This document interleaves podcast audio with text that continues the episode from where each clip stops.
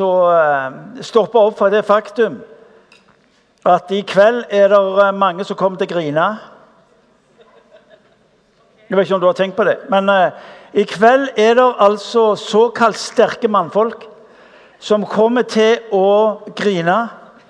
Og de kommer til å uttrykke en fortvilelse som du tenkte dette går bare ikke an. Og Grunnen til at de griner, grunnen til at de er fortvila, er ikke fordi at de har blitt rana eller at de har mista noen i familien eller noe har gått galt. Grunnen til at de griner, og de er ikke redde for å vise det, det er at laget deres tapte.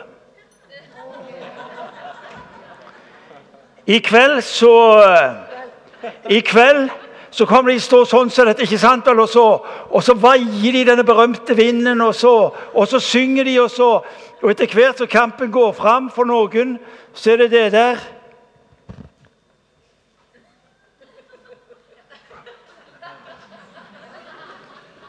Og så er de overhodet ikke redde for å vise På TV, De ser de er på TV, ser rett inn i kamera og lar tårene Har du sett det? Ja. Og henger de om hverandre, og så, og så renner tårer. Hva da for? Jo, fordi at laget deres tapte. Og hvis du tror at Jeg snakket ikke om dette.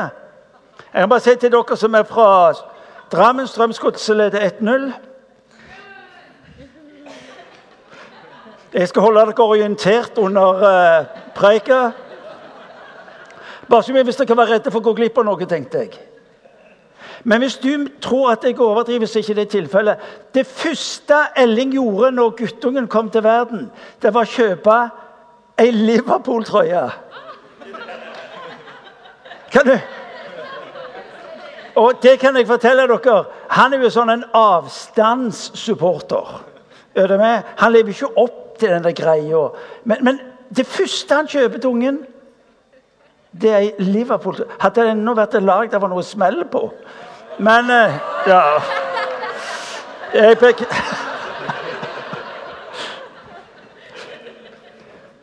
Naboen min han vil nå være for hver gang Viking skulle spille fotballkamp, så kom han sjøl ut. Dette er en voksen mann.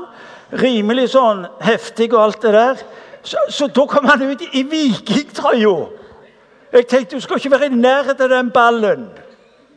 Men vikingtrøya den kom han. Jeg tenkte du er, Det er kvalifisert ysteri, altså, tenkte jeg. Med skjerf.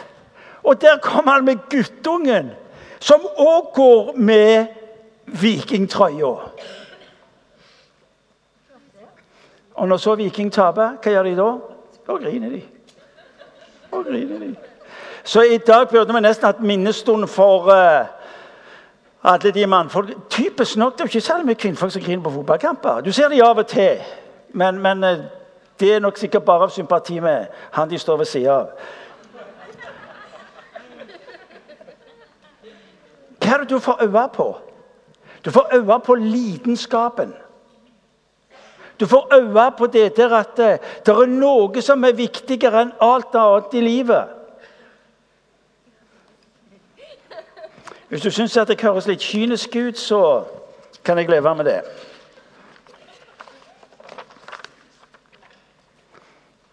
Hvor skal du hen med dette her? Jeg skal i hvert fall ikke snakke om Viking. Apropos han vikingsupporteren, han naboen min, han, da det gikk dårlig, så, så sa jeg Nei, nå er det nok. Nå gidder jeg ikke mer. Ja, hva mener du? Nei, nå gidder jeg ikke mer, sa han, fordi de bare taper. Men nå har det gått litt opp, så nå ser jeg at han går med trøya igjen. Det er kalt for medgangssupport. Er det ikke det? Ja, Medgang eller motstandssupporter.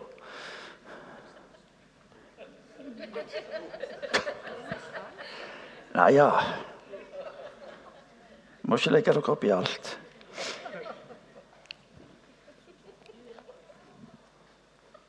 Og Dattera mi sitter på første benk og sier du er Rolsemann. Vanligvis er det kona mi som kommenterer. Nå sitter dattera mi òg her, så nå blir det snart hele familien. Det du skal få tak i, det er at vi i kveld skal snakke om lidenskap. Vi skal snakke om passion. For der hvor du styres av pasjon, der har du retning på livet ditt. Vi holder på å lese fra Markus' evangeliet. Og Markus, når han gjengir beretningen om Jesus, så er han ekstremt konkret. Det er tilgjengelig. Og Vi skal lese beretningen fra Markus evangeliet kapittel 2, eh, de første versene. Det er fire menn som er i bevegelse fordi de har en pasjon for en venn av seg. De har en lidenskap for at vennen skal oppleve noe annet enn det som er situasjonen. Vi leser noen dager senere kom Jesus igjen til Kapernaum, og det ble kjent at han var hjemme. Det samlet, på, det samlet seg så mange at de ikke fikk plass, ikke engang utenfor døren. Mens han forkynte ordet for dem, kom de til ham med en som var lam. Det var fire mann som bar ham, men de kunne ikke komme fram for ham pga. trengselen. Derfor brøt de opp taket over stedet der han var, laget en åpning og firte ned båren som den lamme lå på. Da Jesus så deres tro, sa han til den lamme, 'Sønn, syndene dine er tilgitt.' Nå satt det noen skriftlærere der, og de tenkte med seg sjøl. Hvordan kan han si slikt? Han spotter Gud. Hvem andre kan tilgi synder enn en, en? Det er Gud. Straks visste Jesus i sin ånd at de tenkte slik, og han sa til dem, 'Hvorfor går dere med slike tanker i hjertet?' Hva er lettest å si til den lamme? Syndene dine er tilgitt, eller stå opp, ta båren din og gå. Men for at dere skal vite at menneskesønnen har makt på jorden til å tilgi synder. Og når vennene sier til den lamme, 'Jeg sier deg, stå opp, ta båren din, gå hjem'.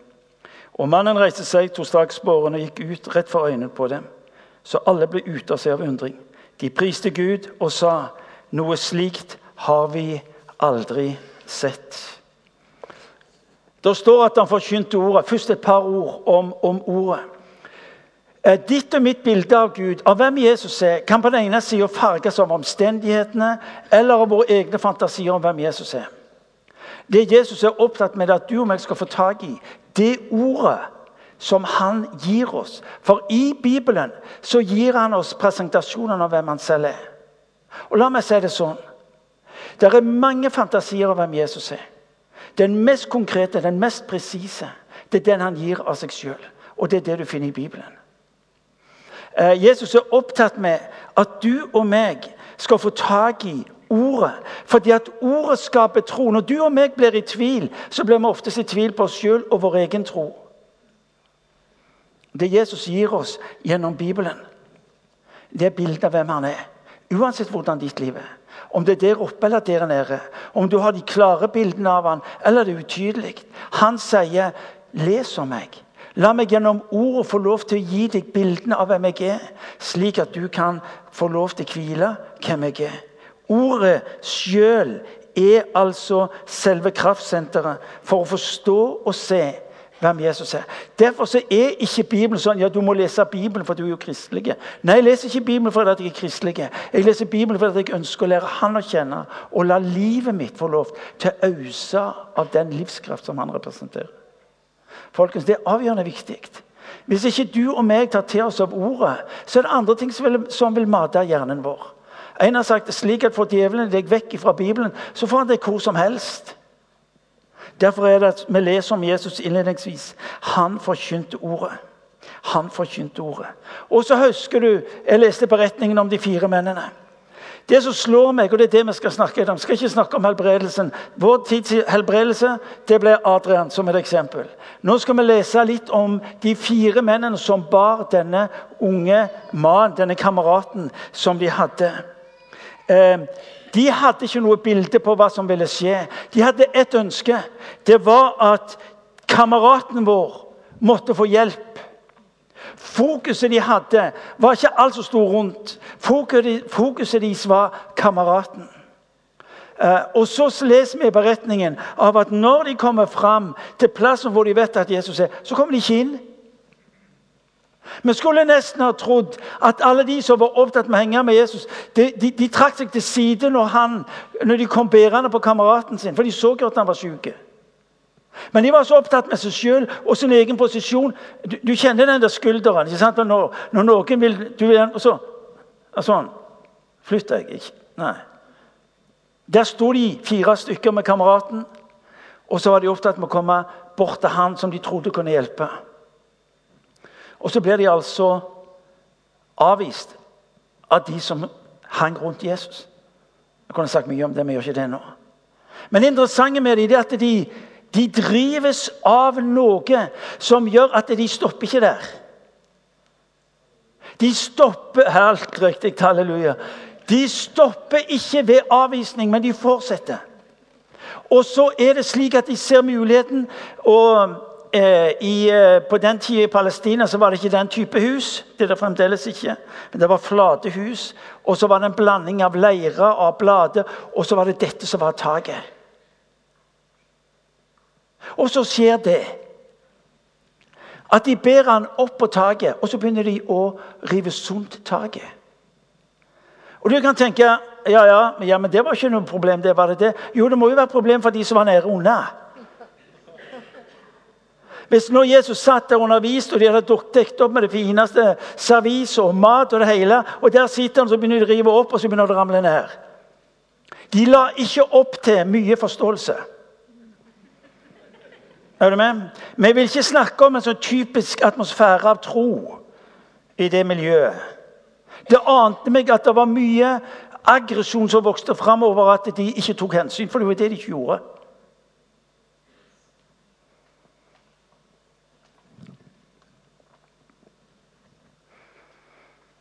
Passion er lidenskap. Det er hjertestyrt for en større sak, sier jeg. Å få tak i dette her.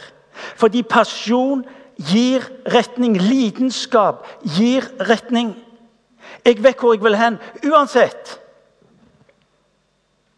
Pasjonen gir meg en retning selv om jeg blir stoppet.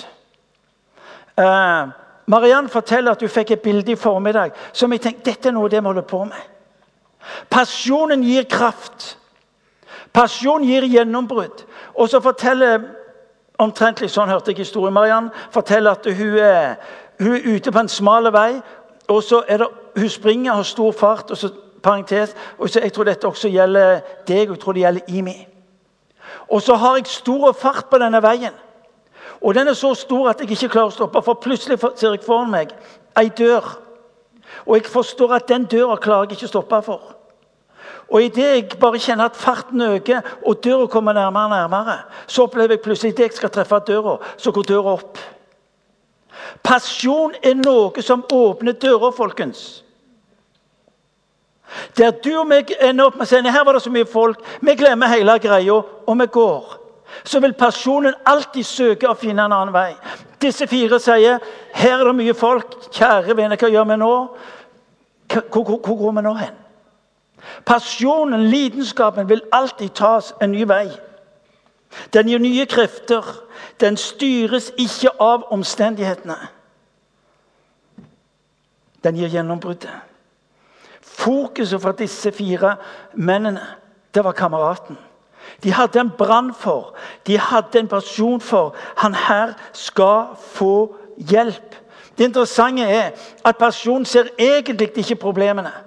Fordi at jeg styres av hjertet. Det er hodet som er problemet for oss til tider. Hodet sier det, det går, det går ikke. Nå må du begynne å regne, nå må du forstå, så må du legge sammen, og så kan du gi opp.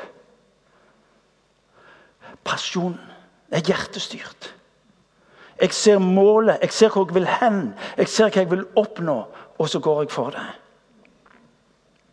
Denne verden vet du hva? Den går fram fordi mennesker ga pasjonen plass i sitt eget liv. De gikk ikke tilbake skuffa. De hadde en retning, men de var nødt til å ta en omvei. Jo da, du kan regne med at der du gir plass for lidenskapen i livet, der gir du plass for pasjonen i livet, så er det noen som eh, misliker det. Som går imot det. Og så får du problemene men du lar deg ikke stoppe. Paulus sier i Filippa-brevet 'Jeg jager mot målet', sier. Jeg har ikke grepet det ennå, men jeg jager mot målet. Jeg styres av det jeg ser, jeg styres av det jeg har tro på. Jeg styres av det jeg ønsker å se oppnådd i livet mitt. Jeg jager. I kveld skal du bli utfordra på å velge hva du vil jage imot. Jeg snakker ikke om livet generelt. Men jeg snakker om det hvor du ser at dette vil jeg gå for. Dette vil jeg brenne for. Dette vil jeg se skal ha betydning. Jeg vil ikke være et ordinært, anonymt menneske som bare sånn surrer gjennom, så, og så var det det det ble. Jeg vil at du, når du når slutten av ditt liv skal sitte bak, skulle si jeg brant for noe. Det var det jeg gikk for. Jeg vil at det skal stå på min gravstein. Han brant for noe. Ingen av oss eh, ønsker at de skal si på våre liv den, den dagen vi ligger i kista og sier ja, ja, han var god og grei og snill. Renslig og pyntelig og alt det der. Han brant. Livet hans var styrt av noe som hadde betydning. Disse fire lot seg ikke stoppe av avvisningen, men de fortsatte. Hva er det du brenner for? Nå skal du høre at du som er medlem i min kirke, Det er livsfarlig å bli medlem i min kirke. Du har hørt, nå, du har hørt hva Elling har snakket om. Nå skal de ha pengene òg. Hvor ender det henne? Menighetens visjon er å gjøre verdifulle mennesker til bevisst etterfølgere av Jesus Kristus.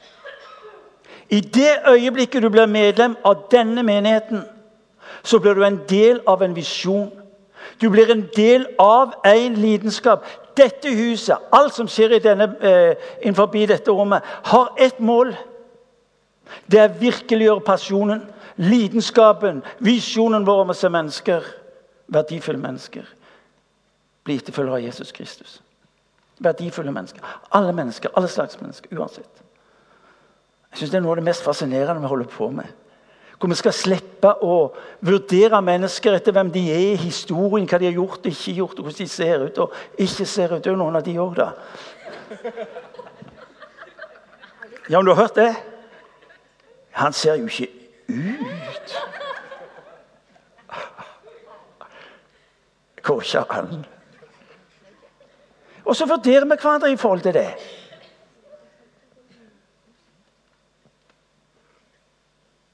Verdifulle mennesker. I det øyeblikket du blir medlem av Imi kirke, så kommer du inn i en strøm som har ett mål.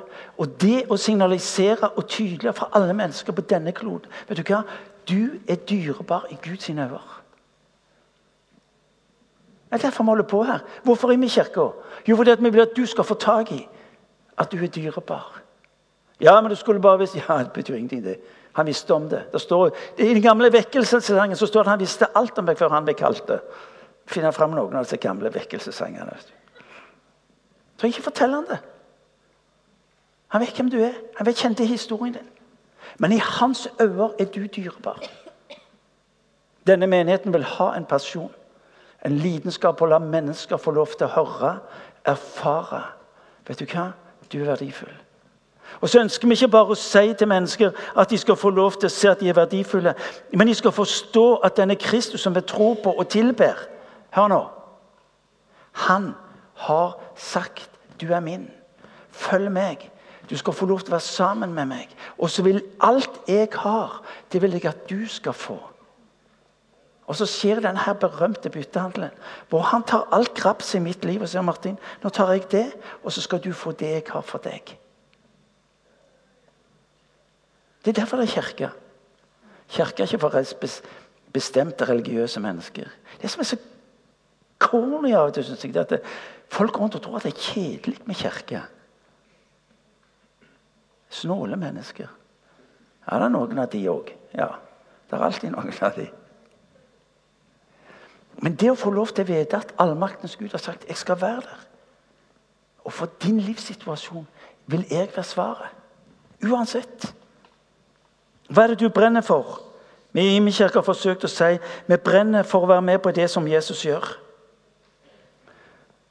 Eh, jeg lærte av en god venn av meg som gikk på en bibelskole i et land langt vekke. Gud har gitt deg det du trenger, men det du vil ha, må du gå for. Hva er det du går for? Hva er det du går for? Nei, jeg står opp om morgenen, går på jobben og gjør det.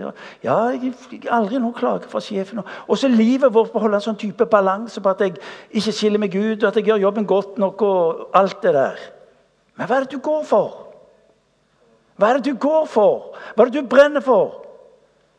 Som gjør at du ikke teller penger eller timer. eller alt det der. Fordi at det er noe som er så viktig at jeg dras inn i det. Ja, men jeg blir avvist. Ja, Blås i det. Disse fire ble avlyst. Nei, avlyst. De ble, de ble avvist, men de fant en ny vei for det de brant for. Hva er det du brenner for? Menneskene som, sto, eh, som så disse fire, de visste hva de brant for. De visste hva som opptok de. De visste hva de ønska å se skjedd. De ønska å se, de forsto at disse fire ønska å se kameraten bli god.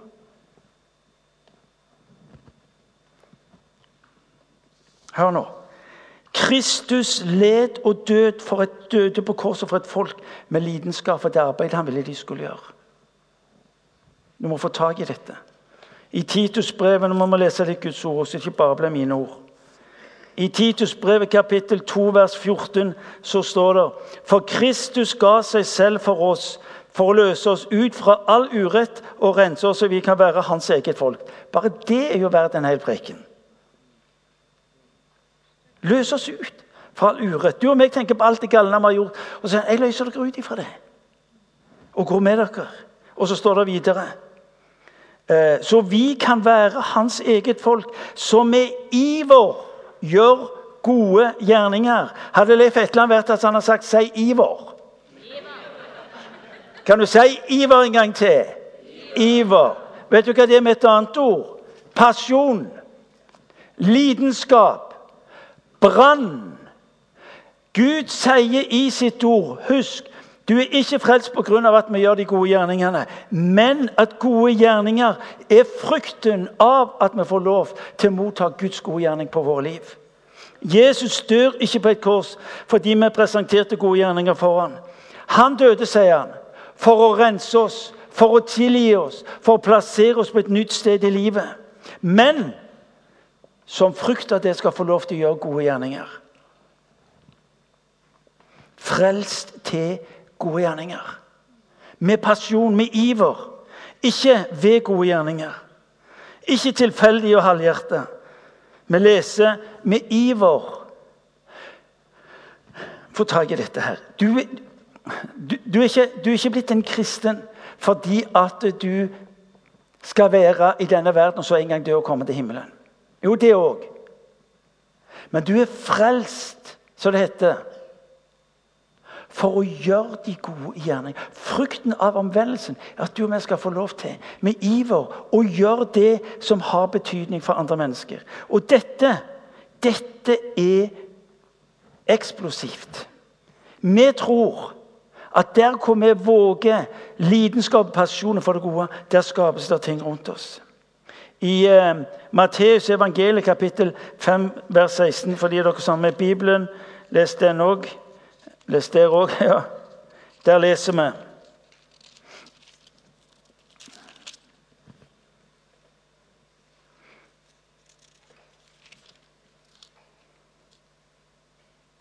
Slik skal deres lys skinne for menneskene, så de kan se de gode gjerningene dere gjør, og prise deres Far i himmelen.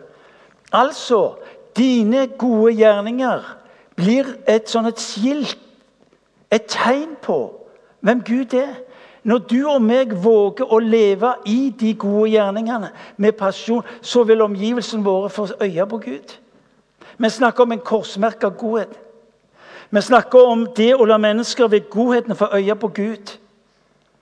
Jeg møtte nå i helga en som fortalte meg Han hadde hørt eh, meg si noen ting om å, om å spre godhet på arbeidsplassen. Og så sier jeg du kan begynne med en kopp kaffe. Når du skal hente kaffen, så tar du en til deg sjøl og en til kollegaen. Og så forteller han at han begynte å gjøre det. Og en dag når han gir den ene kaffen til kollegaen sin, som da er muslim, så sier han du, kan du fortelle meg hvorfor du gjør dette her, og fortelle meg mer om den Jesus som du tror på? Kopp kaffe! Tenk hvis vi hadde vært lidenskapelige på å servere kaffe på jobben. Du tenker at jeg nå overdriver jeg. Men jeg skal, jeg skal si deg det. At når du og meg våger det som får fange hjertet vårt, så blir det pasjon, så blir det lidenskap. Og hva er det som skaper? Det skaper nytt liv. Kan du fortelle meg om denne Jesus? Fordi han møtte godhet. Hør nå. Det representerer motkulturen. Når vi elsker andre på denne måten, så fjernes også murene mellom mennesker. Hat og bitterheten den mister kraften og forsvinner. Våre liv får et utgangspunkt Jesus Kristus, død for våre synder, oppreist, går med oss. Og det får et mål, nemlig medmennesker, de menneskene som er rundt oss. Da vil verden, står der, da vil verden rundt oss få den kunnskapen om Gud som gir dem liv. Hva er det du brenner for? Hva er det du brenner for? Pasjonsløse og lidenskapsløse kristne er egentlig en fornærmelse mot Jesus.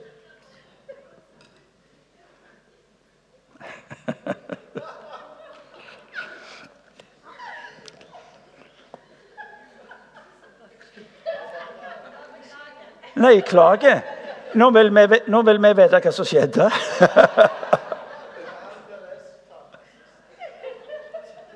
Var det Hanne Therese som Ja, husker du det? Ja, det er ikke dårlig. Syns du det er greit? Han Therese sier det er helt konge. Det jeg, det jeg forsøker å si, vet du hva? Å være uten pasjon og lidenskap på det Gud gjør i livet, vet du hva? Det er bortimot en fornærmelse mot det livet du er kalt å leve. Når, når, når, Jesus Kristus dør på et kors, så åpner han døra for deg til alt det himmelen representerer på jord.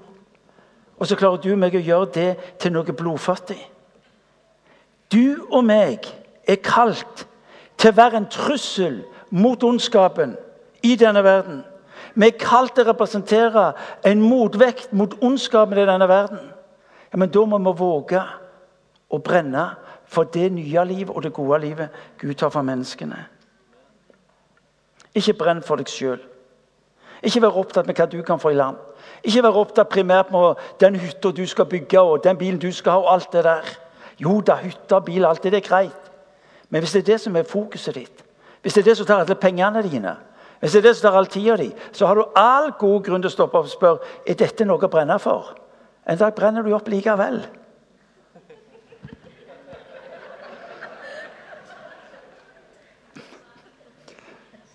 Det var en bak der som sa 'kom han'. Hva er det du brenner for? Det som er det interessante som jeg har sett i mennesker sitt liv, det er at eh, når de begynner å brenne for noe som har betydning, så blir deres egne problemer de, de på et vis forsvinner. Altså Det som ble så viktig, det som måtte løses, alt som måtte på plass I det øyeblikket de var noe som tok fokuset deres, som tok de inn i noe som hadde betydning for andre.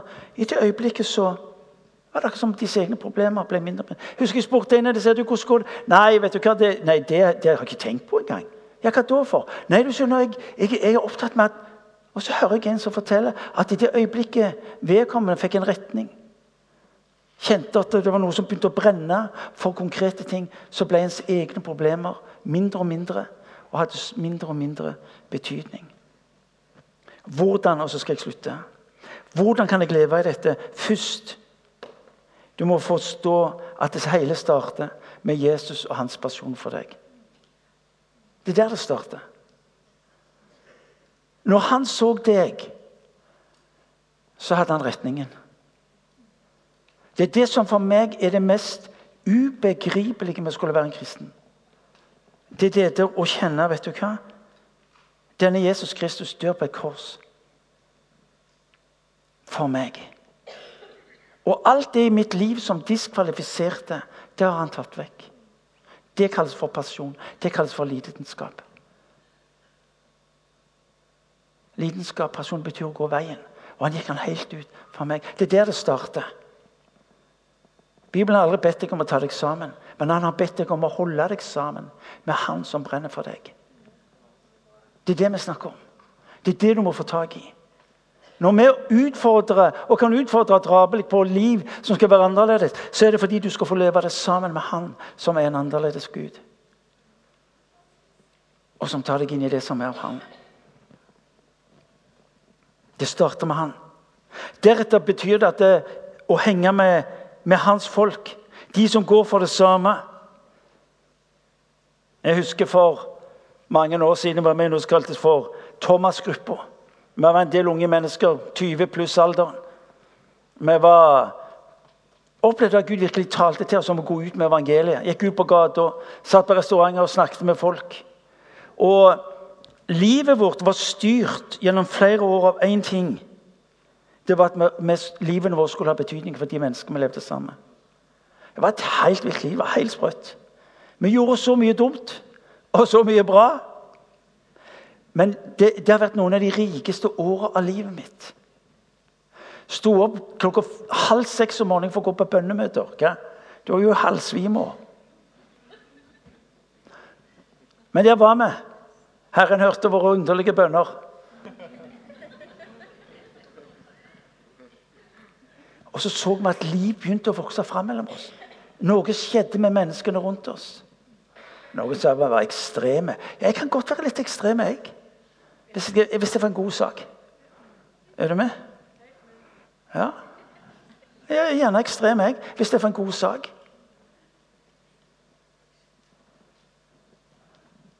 Problemet er ikke å stå tidlig opp om morgenen.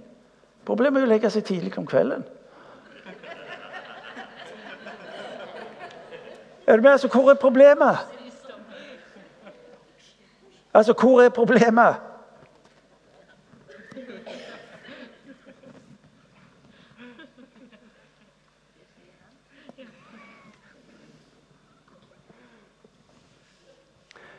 Her er utfordringen min.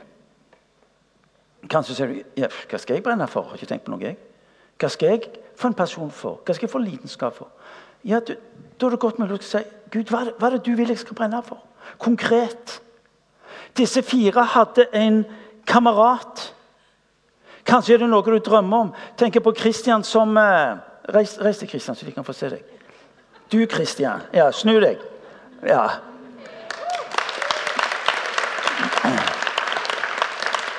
Det, ikke, det, det gikk ikke Der skal dere se deg. Det gikk ikke det gikk ikke mange ukene etter at Kristian var blitt frelst, og han sier jeg drømmer om én ting. Og Hver gang jeg traff Kristian etter det, så var det én ting som kom ut. Det var second chance. Det var det som kom ut av kjeften på han. Second chance. Vi må, vi må lage et tilbud, så unge mennesker som er i, i, i fare, de må få tilbud. Hver gang jeg ser han der, så er det second chance. Hva er det folk ser når de ser deg? Dønn ærlig, folkens. Hva er det de ser? Hva er det de ser når de ser meg? Og det er det du skal få lov til å være med og be for. Men hør nå, hvis du skal leve dette livet, så må du henge et miljø som hjelper deg til å leve dette livet. Da er du her. Da er du en del av miljøet. fordi her får du den mat og den kraften og den ilden du trenger for å leve dette. her. En av mine jeg har sagt det før, helter er Finn Kolnes. Jeg har bedt han om å komme fram, eh, for jeg vil at Få en mikrofon. Du må komme fram, Finn. Finn en underlig skrue. Stakkar Finn. Det er ikke synd på han. Du må komme helt opp. Jo. Du må ikke støtte deg, støtte deg til meg. Jeg er mer stødig.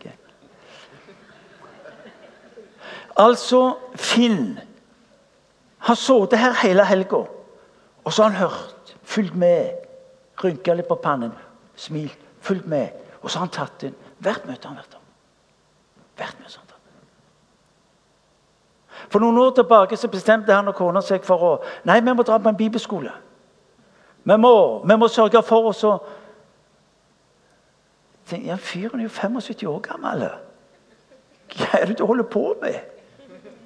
Finn, fortell. Hva, hvorfor sitter du her og, og, er opptatt med å ta inn og reise på bibelskole i en alder hvor du ikke skulle vært kvalifisert engang? Ja, det er feil sagt, jeg er enig i det. Men det er jo sånn vi tenker. Ikke sant? Vi sier bibelskole for unge mennesker osv. For du skal forberede livet. Nei, finn ta bibelskole for å avslutte livet. Med stil! Hvorfor?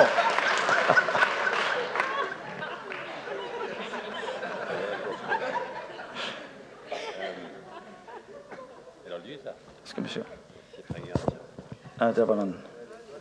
Ja. Nå kom han, vet du.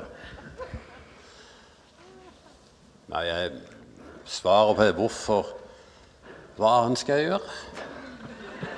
Um, uten, uten, på noen måte sammenligning for øvrig, så når, når Josfa, Herren sa til Josfa du er nå gammel og langt kommet i år, men det er fremdeles mye land som ikke ennå er inntatt.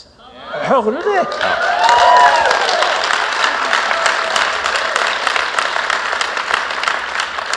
Og kanskje det er det jeg holder på med.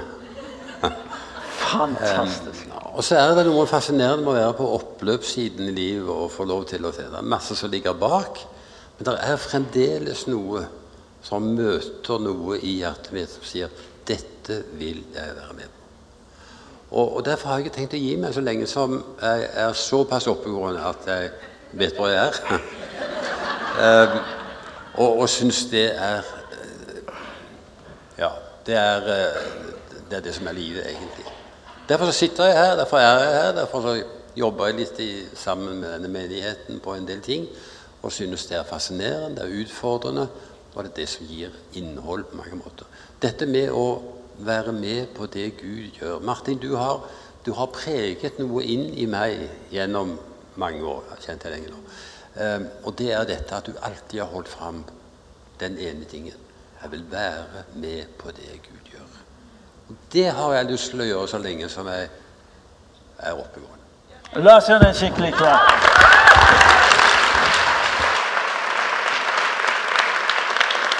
Skal vi reise oss?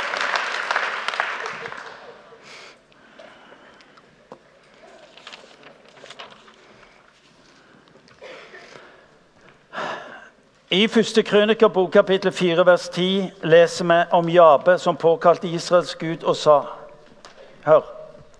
Og om du ville velsigne meg, utvide mitt landområde og støtte meg med din hånd. Om du ville lage det så at jeg slipper ulykke og smerte. Og Gud lot han få det han hadde bedt om. Det vil at du skal gjøre, er at du rett og skal spørre Gud vil du ta meg inn i det som gjør at hjertet mitt begynner å brenne på en ny måte? På en vedvarende måte.